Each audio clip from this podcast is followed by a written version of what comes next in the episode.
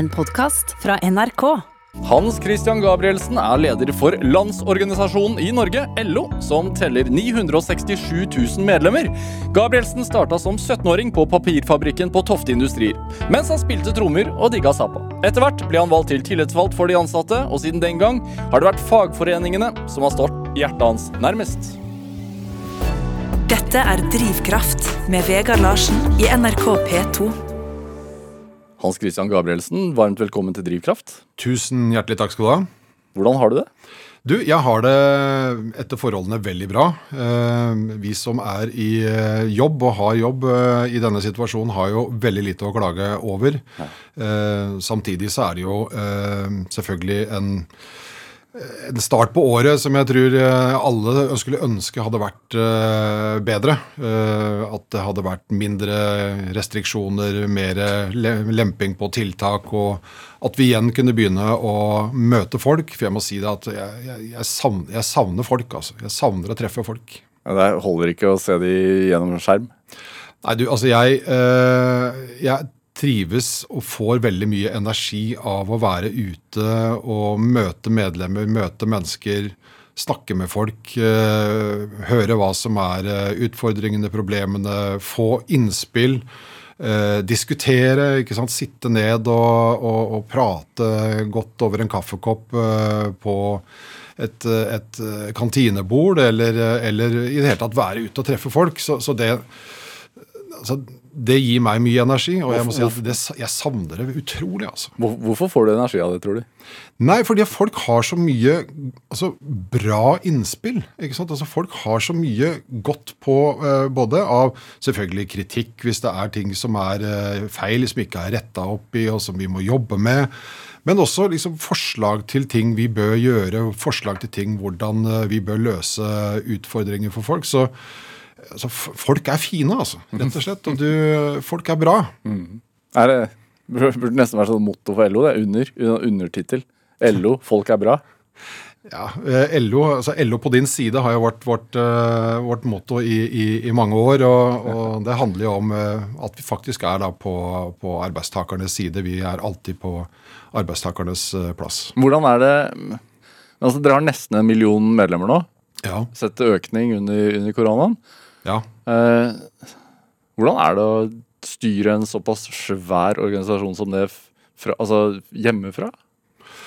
Nei, så det er, jo, det er jo selvfølgelig begrensninger i det. Nå, nå, nå, hva skal jeg si for nå, begrenser dette seg veldig mye sjøl. For altså veldig mange av de møtene som du har til daglig, eh, de finner jo ikke sted på samme måten lenger. De, de skjer på Teams, enten det er med myndigheter eller andre organisasjoner eller andre steder så, så, så skjer mye av dette på, på Teams.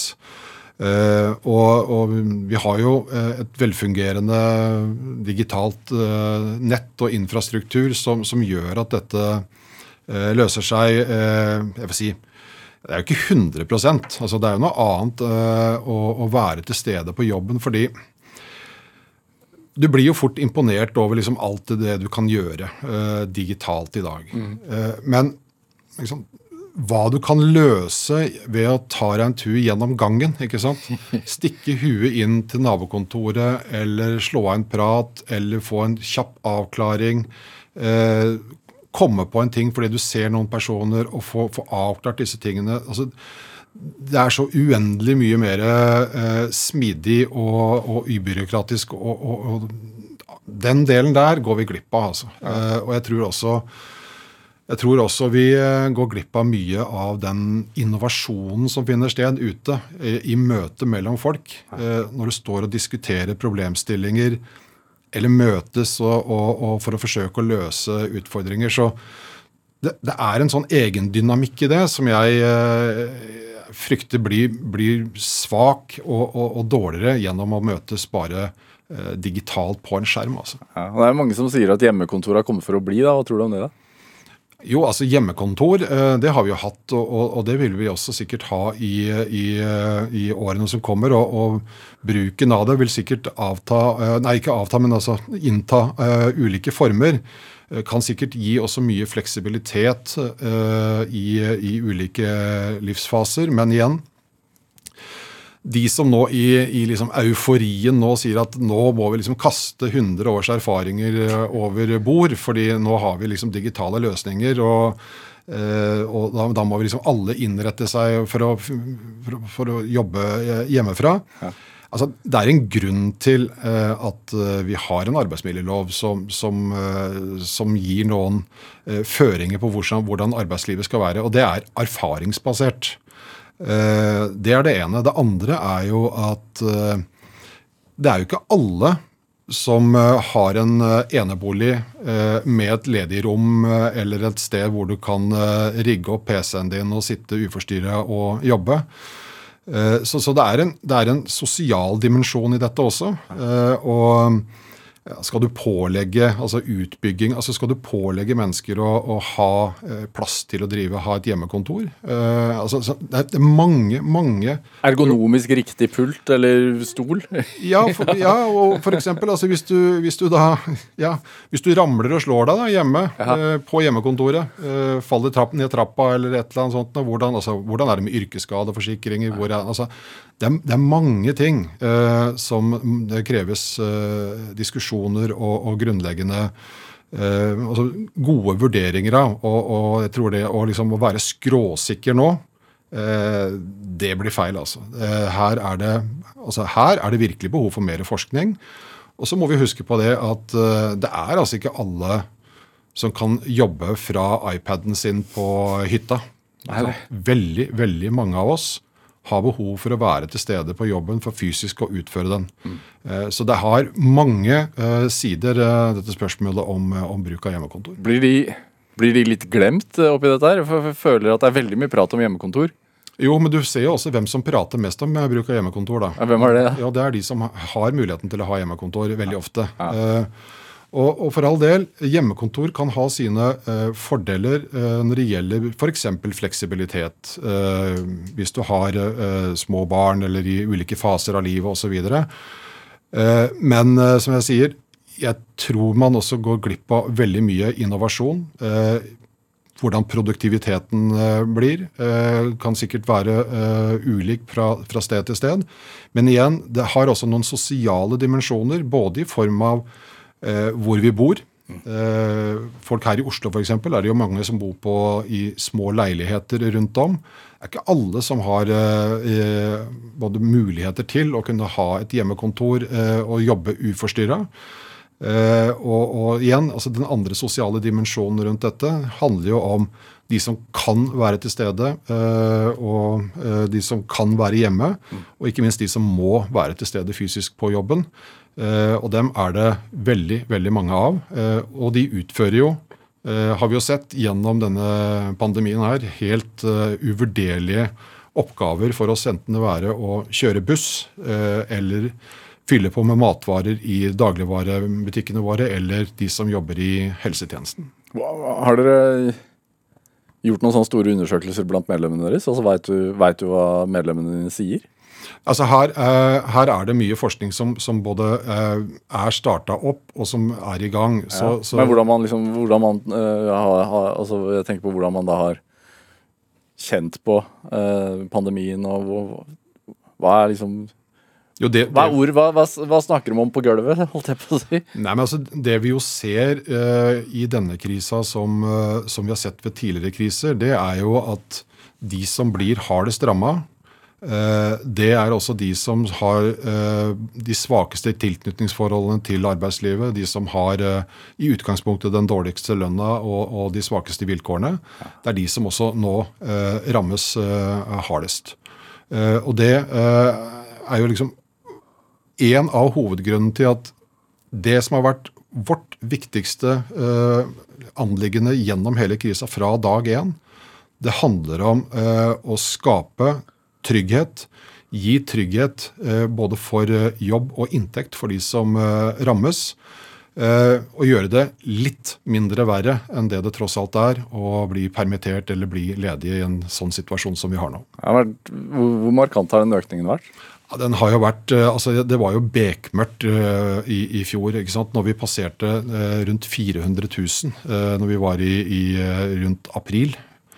Så var det altså Det, det, er, jo, det er jo så store tall. Hvordan? Altså, Altså, det er jo så store tall. Du, mist, du mister jo Du blir helt eh, svimmel av det, egentlig. fordi at én ting er å se på eh, antallet, men husk på at liksom bak hvert eneste tall så er det ett menneske. Det er én familie.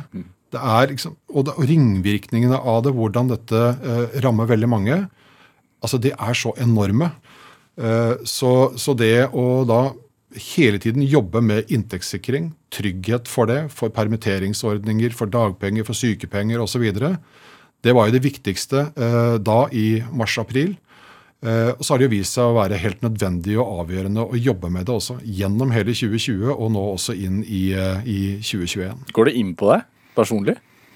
Og som jeg sier, vi som har jobb og er i jobb, Ja. vi har ingenting å klage over. Eh, dette er jo jobben. Dette er jo jobben, dette er jo arbeidsinstruksen som, eh, som eh, jeg har, og som, som tidligere eh, LO-ledere har hatt. Ja, Hva er det? Hva er arbeidsinstruksen din? Nei, så det, er, det er egentlig, det, det koker ned til tre ting. Ja. Det koker ned til arbeid, det koker ned til trygghet, og det koker ned til lønn å leve av. Eh, og det blir altså aldri gammeldags. Eh, og det var mine forgjengeres eh, viktige oppgave, og det har også vært mitt viktigste anliggende gjennom den eh, pandemien som vi nå står midt oppi. Ja. Er det altså, du, har jo vært LO-leder nå i tre år, cirka? Ja, ja Fire? eh, fire år i mai. Fire år i mai. Ja, tre år, ja. Det er vel det tøffeste du har vært oppe i så langt, antar jeg, dette her. Tenker Ja. du at det kommer til å bli liksom din når du, når du ser tilbake Dette er din største sånn, kamp?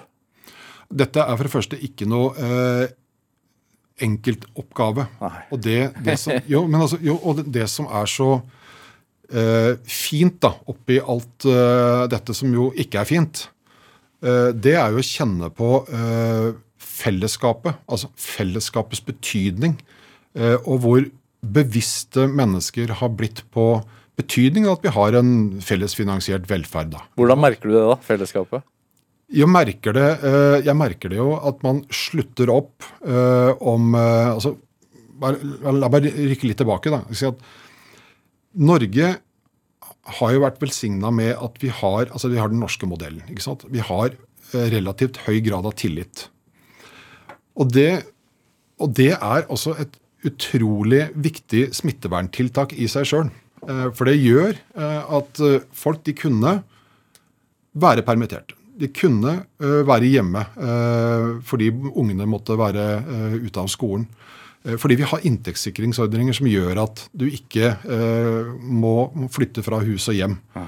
Eh, sant? Og dette har jo vært nitidig bygget opp over tiår, gjennom mange mange tiår.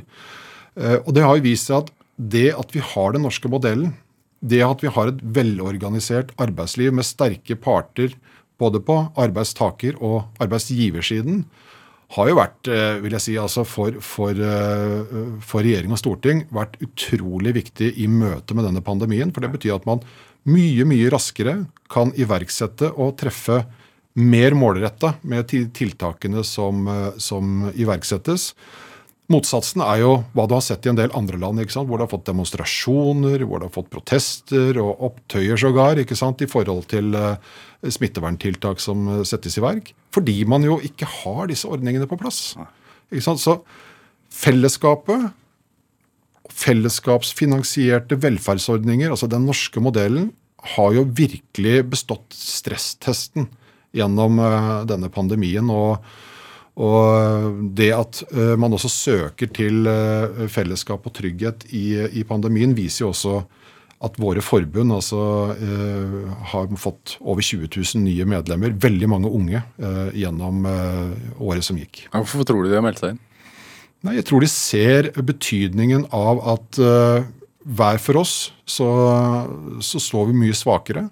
Sammen så står vi sterkere, og at vi har noen organisasjon, noen forbund der ute som ser medlemmene, som forsøker å gjøre det vi kan for å gjøre krisa litt mindre vanskelig enn det den ellers ville ha vært, uten de ordningene som vi hele tiden jobber med å forbedre og få på plass. Jeg hadde NHO-sjefen Almli for eh, ja, noen måneder siden.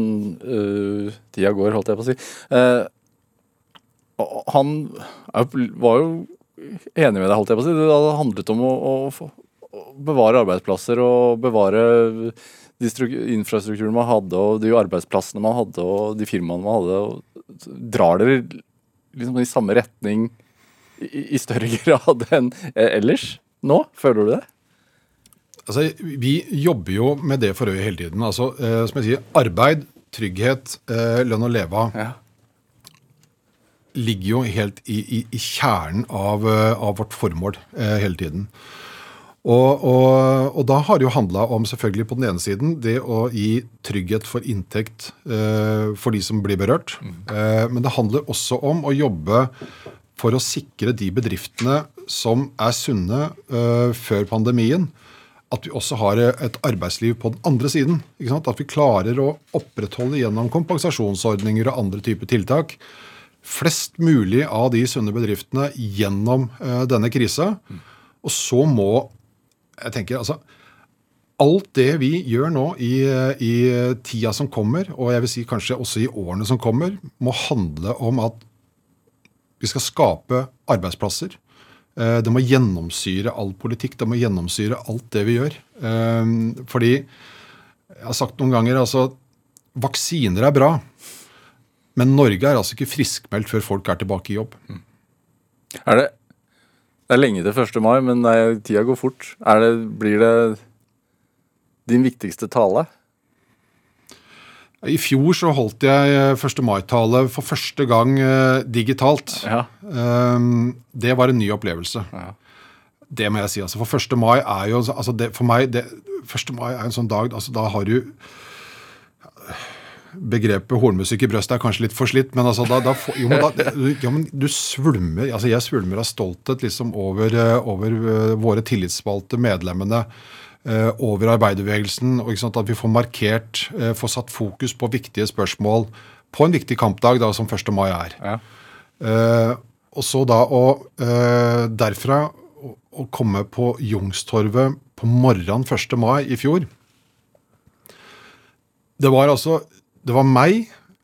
Det var kanskje det var én sånn syklist på sånn, eh, sånn, der, sånn der sparkesykkelgreie som kom eh, farende over, over torget, og så var det noen måker. Ellers så var det ingen! Liksom helt, helt tomt. 1. mai. Jeg må, jeg må ærlig innrømme at det, altså det, det bare søkk i meg altså i magen når jeg- så det. Så ble sendingen ble bra, og talene ble, ble fine, og det, var, ble, altså det ble et godt uh, alternativt uh, program. ja, for det ble spilt inn der. Ja, vi, vi, hadde i, vi hadde et stort studio i, uh, i kongressenteret, altså Ja. i Folkets hus. Ja. Med smittevernavstand og alt mulig sånn, selvfølgelig. Men, så det, det fungerte bra. Men det er noe med det der å være igjen, altså. Være ute med folk, blant folk, se folk, ikke sant. Eh, Og det er jo noe med at eh, når du holder en, holder en tale, da, eh, så er det jo ikke sant, da- ser du jo på folk. ikke sant, Du ser jo om altså, Nå er du helt på bærtur, eller, eller så ser du at dette, dette traff. ikke sant?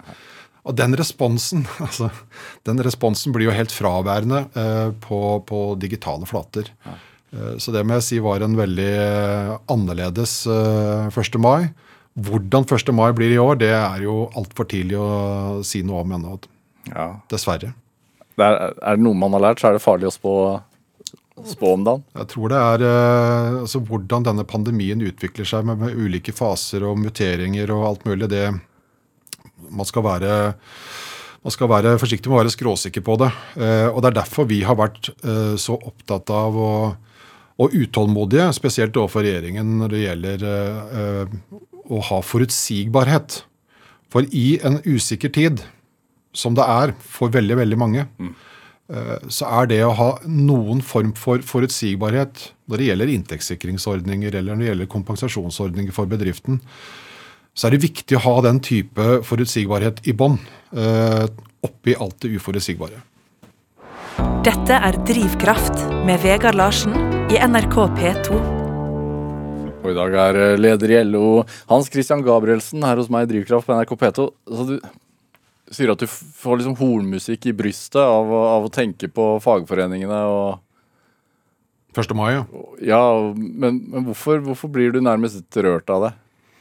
Nei, jeg syns det er så fantastisk altså hva dette, denne, øh, dette fellesskapet øh, både har fått til, hva det representerer av øh, Men hvorfor, er, hvorfor, hvorfor føler du det? Hva er det, hva er det, det representerer? Altså, hva, hva er det med det som gjør at du blir bevega av det?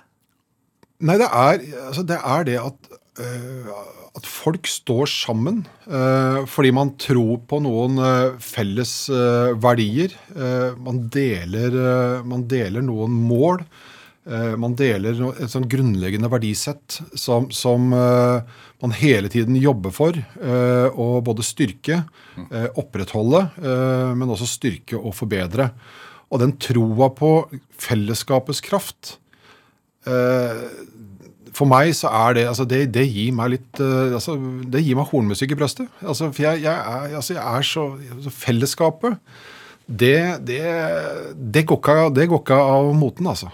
Fellesskapsløsninger, det, er, eh, det har vist seg å være liksom, noe som virkelig representerer styrken i den, den norske modellen. Altså det samarbeidet som vi også har med, med, med arbeidsgiversiden og med myndighetene for å få ting på plass.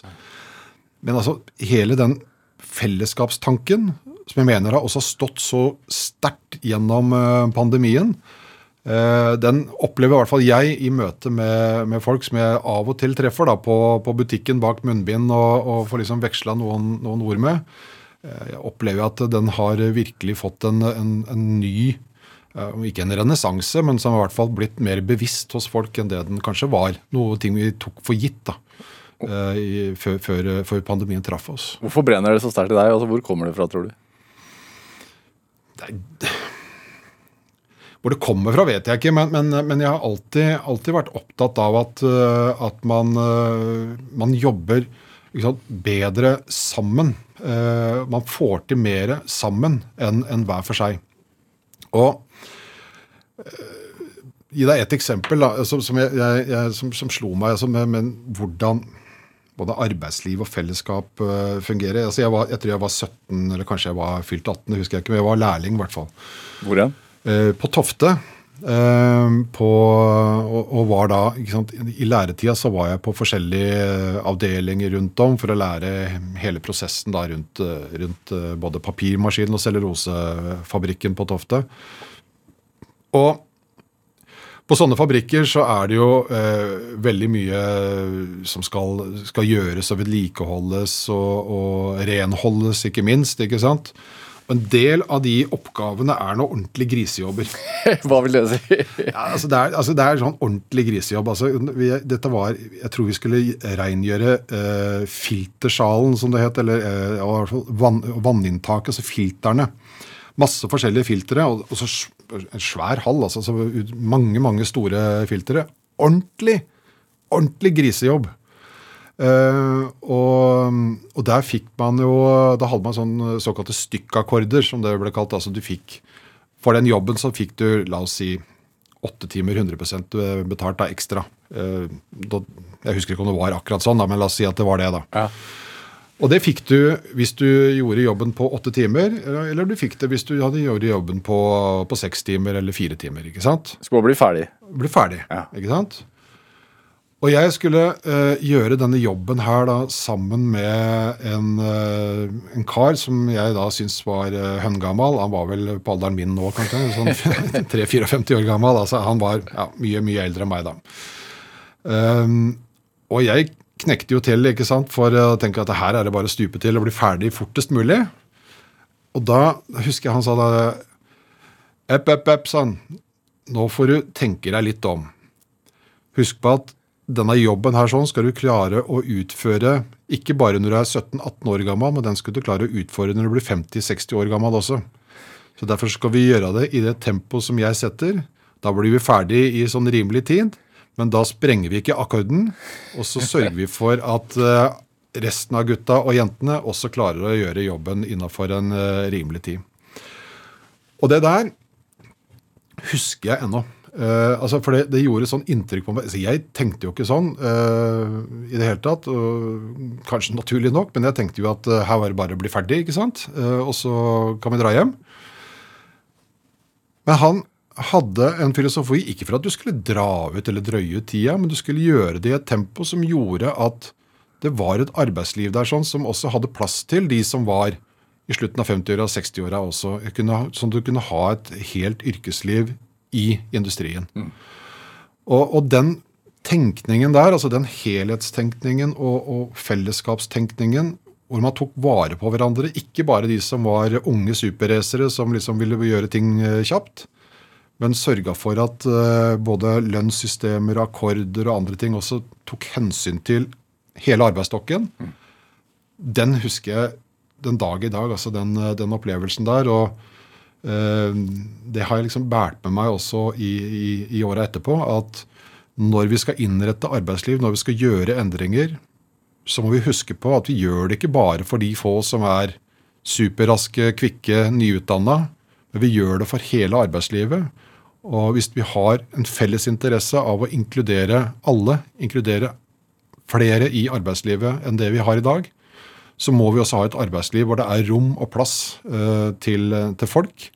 Uh, og da for å si det på den måten, da kan vi ikke drive og sprenge akkorden uh, hele tiden. Nei, så du måtte jobbe noen timer ekstra for at Antageligvis var det ikke så veldig mange timer, men, altså, men litt. Grann, han var jo mye mer erfaren enn meg. Ja. Så han visste jo liksom hvordan du kunne gjøre ting da på en mer effektiv måte enn det, enn det, jeg kunne. ikke sant?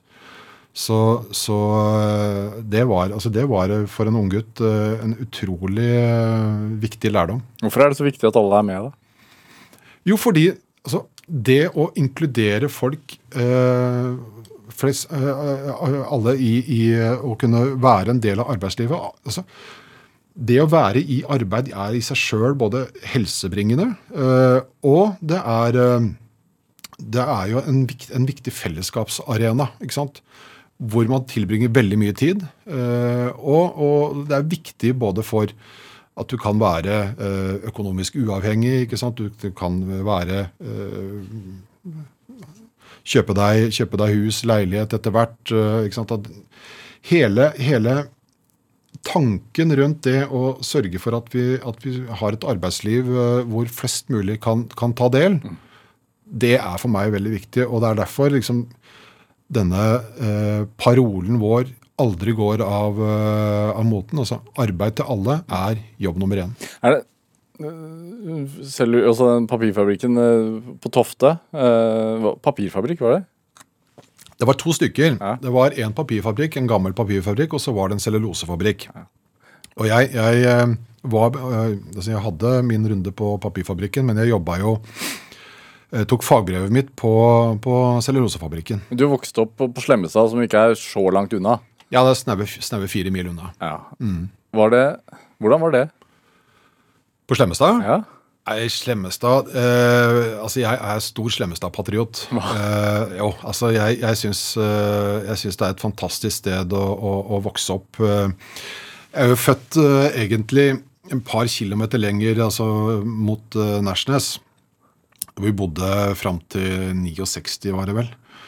Um, da bodde vi, leide vi et, en etasje i et hus som lå helt ned ved vannet uh, ute i, ved Svaberg populært kalt Gabrielsbyen den gangen. For det var to familier der. sånn, Det var Gabrielsen som var eh, slekta mi. da. Ja. Det var så utrolig mye unger, ikke sant. Eh, og så var det Fjell. Så det var liksom de to store familiene der ute. da. Men, men, eh, men der, i de første åra der sånn, da måtte mutter'n ha hadde sånn klessnor ute som hadde bindt fast, og så hadde jeg tjora meg med sånn, med sånn løpeline. så, så, sånn at jeg ikke skulle løpe til sjøs. Så, så det, var, det, var, liksom Det var barneoppdragelsen en gang til? jo, jo, men altså det, du, kan tenke deg en liten toåring ikke sant, og bare snu, snu, ryggen til, så plutselig er han på sjøen. ikke sant? Så det var eh, rett og slett safety line, eh, det der. Hva drev mora og faren din med da da du vokste opp? Eh, mora mi eh, hun eh, begynte som lærervikar. Eh, det var vel allerede mens jeg gikk som eh, gikk i barnehagen da jeg var liten. Så begynte hun som lærervikar. Eh, og, og utdanna seg da etter hvert videre. Tok uh, lærerskolen, studerte på Blindern, Mag. Mm. Mens hun hadde meg, mens hun hadde broren min, og etter hvert altså når hun hadde fått søstera mi. Så jeg tenker på det. altså Det der er virkelig imponerende, altså det, det greiene som mutter'n gjennomførte der. Og hun ble da etter hvert barneskolelærer, og så, og så uh, ungdomsskolelærer. Det siste året jeg gikk på ungdomsskole, faktisk. Da var jeg ikke spesielt blid på, altså fordi jeg hadde jo gått i samme klasse i alle år, ikke sant. Og så, når jeg gikk i 9. klasse, da, så, så kom mutter'n øh, og begynte på ungdomsskolen og skulle undervise klassen min. Så, så, jeg, så, jeg, måtte bytte klasse. Oh, ja. ja, det, ja, ja, det var det siste året, da. Jeg husker Da var jeg ikke veldig blid. Altså. Så etter hvert så, så, så, begynte jeg da som, uh, som lærer på videregående skole. Uh, underviste norsk og engelsk bl.a. Og også blant yrkesfagelevene på, på Røyken. Lærte deg verdien av hardt arbeid, virker det som?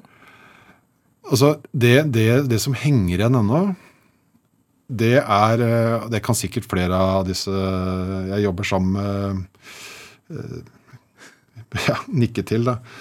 Altså Jeg er kanskje i overkant litt sånn pirkete da når det gjelder jeg får ting til gjennomlesing eller, eh, eller, eller forslag til tekster og, og, og, sånne ting. Og da, da merker jeg liksom den der rødpennen til mutter'n komme fram. altså For vi satt jo hjemme ikke sant, og, og med lekser, og mutter'n kikka jo av og til over. Eh, hun gjorde dem aldri for meg, men hun leste litt, og så kom den rødpennen uh, veldig fort fram. da. Uh, og, og um, alle disse her klassiske feilene du, du gjør. Så den, den derre at den der, Det å gjøre deg litt flid, altså både med hvordan det ser ut, det du skriver. altså skjønnskrift som vi hadde i gamle dager. da, ikke sant? Altså eh, skrift. Eh, at det ser eh, bra ut og er skikkelig og sånn, det Mutter'n var veldig, veldig veldig flink til det. altså. Var han stolt av deg, tror du, når du ble LO-sjef? Jeg håper det. Jeg tror det. Ja. Jeg tror det. Men det var jo aldri noe som det var jo aldri noe som var si, noen noen push i noen retning eh, der i det hele tatt. Altså. For jeg, jeg Fattern jobba jo på, på Nebb. Hva er det for noe? Nebb? Veit ikke hva Nebb er? Nei. Nei det, altså, det var jo en svær bedrift som lå nede på Skøyen. Uh, og Der lå det jo flere store bedrifter den gang. Det var Tune på den ene sida, og så lå Nebb på den andre siden. Uh, stor bedrift som uh, etter hvert blei da Asea, Asea Brom Boveri og nå ABB. Okay, ja. Og de drev med ja, generatorer og den type ting. Og opp mot mye vannkraft og sånn turbiner og ja, Kanskje ikke turbinproduksjon, de, men, men på generatorer så, så veit jeg Nebb hadde mye, mye arbeid. Og, og fattern sto jo på der og var utdanna vikler. Eh, og etter hvert så tok han jo mer utdanning og ble ingeniør og, og, og jobba da i ja, mange år blei det til sammen, da? Ehm, det blei over 50, ble det 53 åra til sammen i, i uh, selskapet, da, med forskjellige navn opp gjennom, uh, opp gjennom åra. Ja. Men bare tilfeldigheter. altså fordi, uh, som han har fortalt meg altså, um, Han var egentlig på vei inn på hyrekontoret han, før han fikk brev om han fått, at han hadde fått læreplass da, på, på Nebb. Hvorfor ble det Altså, var, var fagforeningen noe dere prata om hjemme hos deg?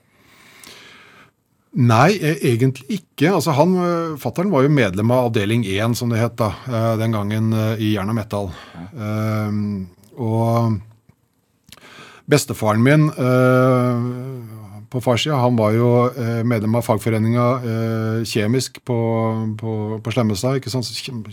Fagforeninga var jo svær på Slemmestad. ikke sant? Folkets hus på Slemmestad, det var der kinoen var. ikke sant? Når vi gikk på halv femmeren, liksom barnekino, så på Tarzan og Zorro og disse tingene der, sånn, det var jo, det jo fagforeninga som, eh, som, hadde mm. på Slemmestad. Sånn som de hadde på Tofte og mange andre steder rundt i, i landet. Eh, så, så det var egentlig ikke noe, noe sånn press i, eller push eller prat rundt, eh, rundt det i, i så stort monn, men det, det kom egentlig mer som en, som en del av, eh, av, av uh, yrkeslivet mitt. Da, etter hvert jeg sant, ferdig med læra og begynte å jobbe. og Gutta spurte meg om jeg kunne være tillitsvalgt for dem. eh, Skift-tillitsvalgt, ikke sant. Inn i styret i fagforeninga. Og så, ja. Hvorfor tror du de så på deg? Nei, gudene vet. Høyreist, da. Jo, jo. eh, Jeg har alltid vært, eh, alltid vært veldig eh, høy, da. Så jeg er jo like høy nå som da jeg var eh, 13 år. Oi, oi. Så jeg, jeg skulle egentlig blitt mye mye større. jeg, Så jeg måtte, vi tok jo sånne sprøyter for å stoppe, stoppe veksten. Er det sant? Det er sant. Du, hvor, hvor høy er du nå? Ja, nå har jeg ikke målt meg, da, men jeg var 1,96, eh, holdt jeg på å si. Eh, og- Hvordan er, unnskyld, altså, men hvordan er det å være 13 år og 1,96? Nei, jeg veit ikke. Jeg, jeg vet ikke om noe annet. Jeg, da. Ikke sant? Altså, det er, altså, jeg, har alltid, jeg har alltid vært veldig, veldig eh, høy. Altså, helt, fra, helt fra jeg var liten, så, så vokste jeg jo veldig mye. Og vokste fort og hadde mye sånn voksesmerter og sånne ting. For det vokste jo sabla fort, dette greiene her. da. Ehm, så det var jo det var jo sånn det var, da. Uh, ikke sant? Men, men eh, men jeg liksom fikk utsikter til å bli godt over to meter og sånn, så så sa jeg at nei, det, det gidder jeg ikke, altså. Eh, så da fikk vi noen sprøyter, og som, uh, som fattern satt, da. Eh, litt uvørent, men det funka, det. Nei, altså jeg fikk, bare fikk beskjed om at eh, altså, enten så slutter du å klage, eller så får du dra til legen og ta disse sprøytene. der sånn, og det, det, var, det var noen måneder, og så var det ferdig. Var det litt sånn? Var det litt sånn hjemme? Ikke Ja ja, det går over. Det. Reis deg opp igjen, gutt. Nei, jeg, jeg er et veldig, veldig Altså, mutter'n og fatter'n er utrolig uh, omsorgsfulle og har vært uh, veldig sånn til å følge oss opp uh, hele tida. Bare tenke på alle de turene som som fattern har eh, svippa oss inn til eh, skibakker og, og andre ting eh, opp gjennom eh, åra. Det det, Vi, vi prata om det her om, eh, for noen, noen uker siden, jeg og fattern, og da da var det eh, Dette må ha vært på 80-tallet en gang. da. Det var liksom da freestyle eller sånn eh, som kom, begynte å bli populært. For, i, i, på ski? Ja, Ja. Dette var, ja ikke sant? Og dette var i Vardåsen da, utenfor i Asker. Og Da hadde de bygd sånn freestyle-hopp. da. Uh, og vi hadde jo null eh, respekt for det. ikke sant? Uh, litt mindre kvalifikasjoner, for å si det sånn, men, men full av pågangsmot. Ja. og, og, og vi skulle hoppe der, da, fant vi ut. Um, Virka som en god idé der og da, så det gjorde vi. da. Og jeg gikk jo da rett til værs. Eh, og landa ja, enten på ryggen eller et eller annet. jeg vet ikke, Men svimte av gjorde jeg i hvert fall. da, Og våkna på båra da, på vei ned i, i ambulansen. og på vei inn til Bærum sjukehus. eh, Og så ringte de til fattern. Og det var, eh, måtte komme da til, til Bærum sykehus fordi sønnen din var, var kjørt av gårde med ambulanse. og, og sånt. Dette var midt under skøyte-VM. Og fatter'n var jævlig interessert i skøyter, ikke sant? Og så, og så, så kom han, da. eh, og jeg lå på båra, da. eh, og det, var ikke noe gærent med meg, annet enn at jeg hadde bare slått pusten ut av meg og svima av, da. Svima, da. Men, men hadde ikke brekt et bein engang, ikke sant? Eh, og på toppen av det hele så fikk han parkeringsbot da han henta meg. Så, det, så gikk han glipp av, gikk en glipp av uh, skøyte-VM. Men du eh, skulle egentlig bli trommis. Jeg Skulle blitt og skulle blitt. Jeg hadde jo, hadde jo lyst eh, Jeg hadde jo lyst, altså. Eh, fordi eh, når jeg var eh, Hvor hadde du trommesettet hjemme hos dere? på rommet mitt Hvor svært var rommet? Det var eh, like stort som eh, senga mi og de 13 trommene, da. Og 1,96 høy. Ja. Ja. Også et lite klesskap uh, som uh, mutter'n selvfølgelig uh, og sverta, da, for hun kom ikke inn og fikk lagt inn tøyet. Hun, hun banna ikke da, men hun fikk ikke lagt inn, lagt inn tøyet der, sånn, da, fordi trommene sto helt klin inntil til klesskapet. Så måtte liksom bikke trommene over på sida for å få lagt inn det, det reine tøyet. Men, men dette liksom øh, dette kom jo da altså Jeg spilte trommer uh, i, i, korps, som veldig mange gjør, ikke sant, og ble litt uh, tent av det. Uh, og um, når jeg var tolv, gikk på siste året på barneskolen, så kom det noen gutter ned da, eh, fra ungdomsskolen, altså store gutter. altså snakker, Vi snakker folk som gikk på ungdomsskolen. eh, og lurte på, De hadde hørt at jeg spilte trommer, da, så de hadde lyst til å, så de spurte meg om jeg hadde lyst til å være med og starte band. Ja. Og det hadde, Jeg hadde jo ikke trommesett, men eh, hadde lyst. Eh, så da fikk jeg kjøpt da, et, et gammelt uh, brukt sett. 3000 kroner husker jeg fikk uh, låne penger av fattern til å kjøpe det. Uh, da gikk jeg med avisene. sånn så fikk ja. Overførte i dag ganske mye penger? Ja, egentlig, altså. Aha. Egentlig. Og da, da blei det band. Uh, og da gikk det jo i dette, Husk på at dette var på uh, ja, nå var jeg 79-80, så det var, gikk jo i punk, dette her. sånn, ikke sant? Da var det da alle skulle spille, ikke sant? Ja. Og det var, altså, det var, utrolig morsomt. Jeg husker den første spillejobben vår, eller spillejobb og spillejobb, første gangen vi spilte ute for folk, da. Det var på, det var på ungdomsklubben, altså, eller på onsdagstreff, som det ble kalt, da, på, på ungdomsskolen. Og siden vi spilte, så kom vi inn til halv pris. Måtte betale, ja. ja. Men hvorfor ble det Zappa? Altså, du har med en, har med, vi skal spille litt musikk. Eh, du har med en, en Zappa-låt, uh, Uncle Remus, men hvorfor ble det Zappa? Hvorfor, du spiller jo Zappa-coverband og du, eh, det er en lang historie, egentlig. Eh, jeg har alltid vært veldig interessert i musikk. Og, og liksom de, de, store heltene mine da jeg var guttunge, var jo liksom Uriah Heap, Led Zeppelin, Black Sabbath, Deep Purple og, og de, de, der, ikke sant?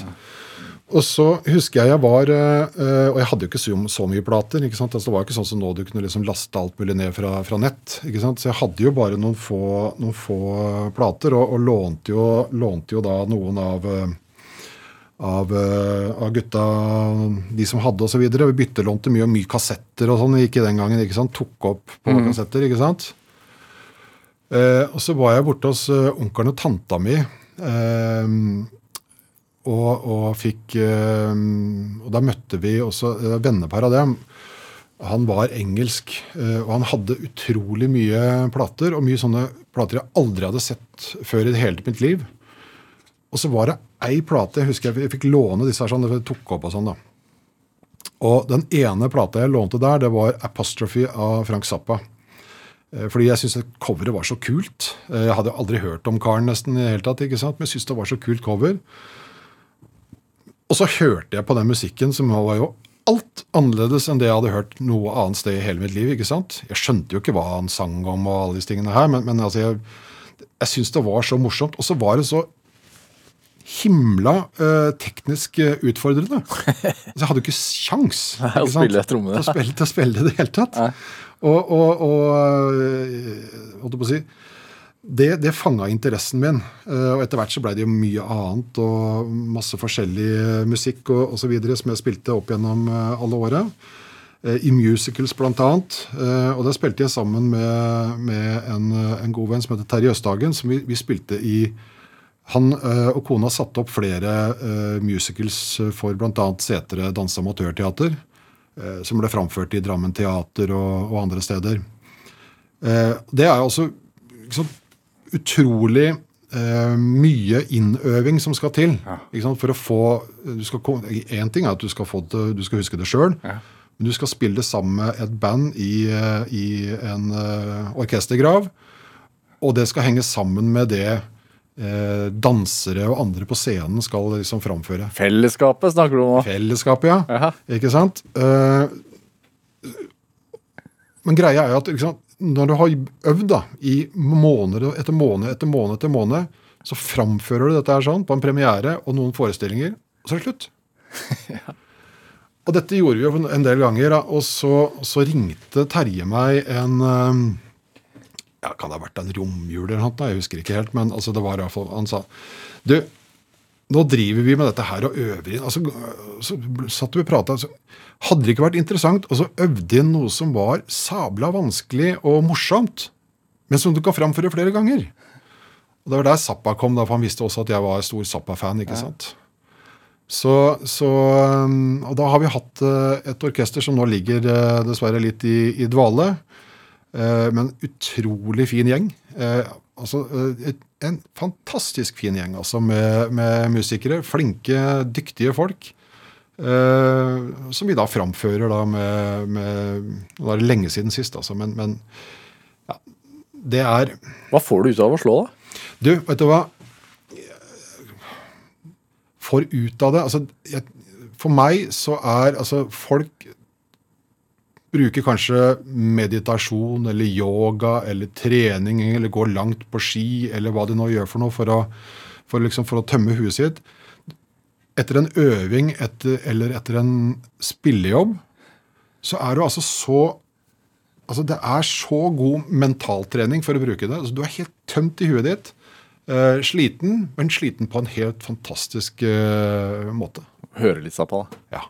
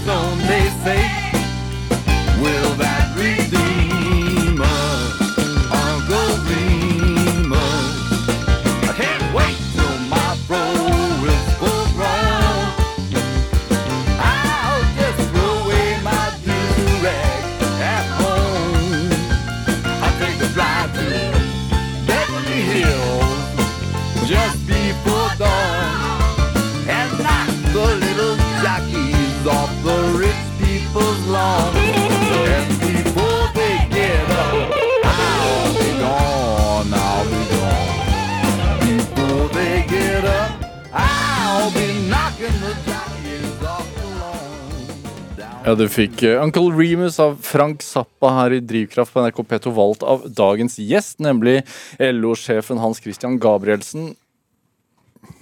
Du klarer ikke å høre den låta her uten å tenke på rett Altså lik lønn for likt arbeid og sånn? Nei, du, vet du hva, det er, det er egentlig en veldig god uh, historie bak uh, denne låta her, og i og for seg flere låter på Apostrophe og skiva før, som ble spilt inn eh, i samme, samme opptaket. Og, og, Frank Zappa han, han har skrevet i boka si han, han eh, ønska seg noen kvinnelige backup-singere på, på, på, skiva si. Mm. Og så spurte han manageren liksom, er det liksom mulig å få tak i det. Ja, du kan få de Ikettes, sa, sa han Cohen, da, som var manageren til Zappa på den tida. Kan jeg det? Sånn, ja, ja, de holder på å spille inn og han, Ike Turner holder på å spille inn noe her nå i noe nabostudio eller sånt noe. Eh, og, så, og, så, kom da eh, Ike Turner da, og sa at det var greit. Han kunne få de Ikettes, eh, inklusiv Tina Turner, da, som var en del av sant? Mm. Men forutsetningen for at han skulle få lov å bruke dem på i sangene sine, det var at han ikke betalte dem mer enn det han betalte dem, og det var 25 dollar per sang. Som jo er skammelig, ikke sant? Men, og, og, Frank skriver jo om dette i boka si. Han hadde jo veldig lite til overs for, eh, for den holdninga. Og, det, og det, det, illustrerer også litt, mener jeg nå, i, hvis vi kan gå litt tilbake til den uh, krisa, pandemien vi står oppe i nå. Mm -hmm. så er det jo sant, veldig mange som er ramma. Men er det en sektor som kanskje også er helt utrolig hardt ramma, så er det kultursektoren. Altså alle de musikerne, alle de lydmenn, alle de lysfolk, alle de roadiene der ute. Alle, alle som jobber med eh, det som gjør livene våre gode å leve også. ikke sant? Det å være på en konsert og høre på musikk.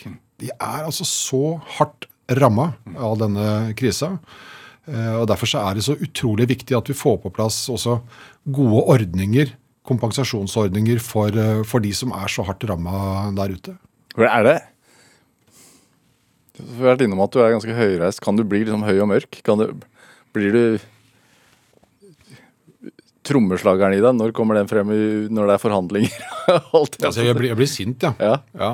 ja. Uh, jeg blir sint, men jeg er uh, Det kan også være ganske tålmodig. Uh, og jeg tror jeg tror det kommer godt fram når, når jeg begynner å bli eh, rimelig utålmodig og, og grinte. Eh, det syns på meg.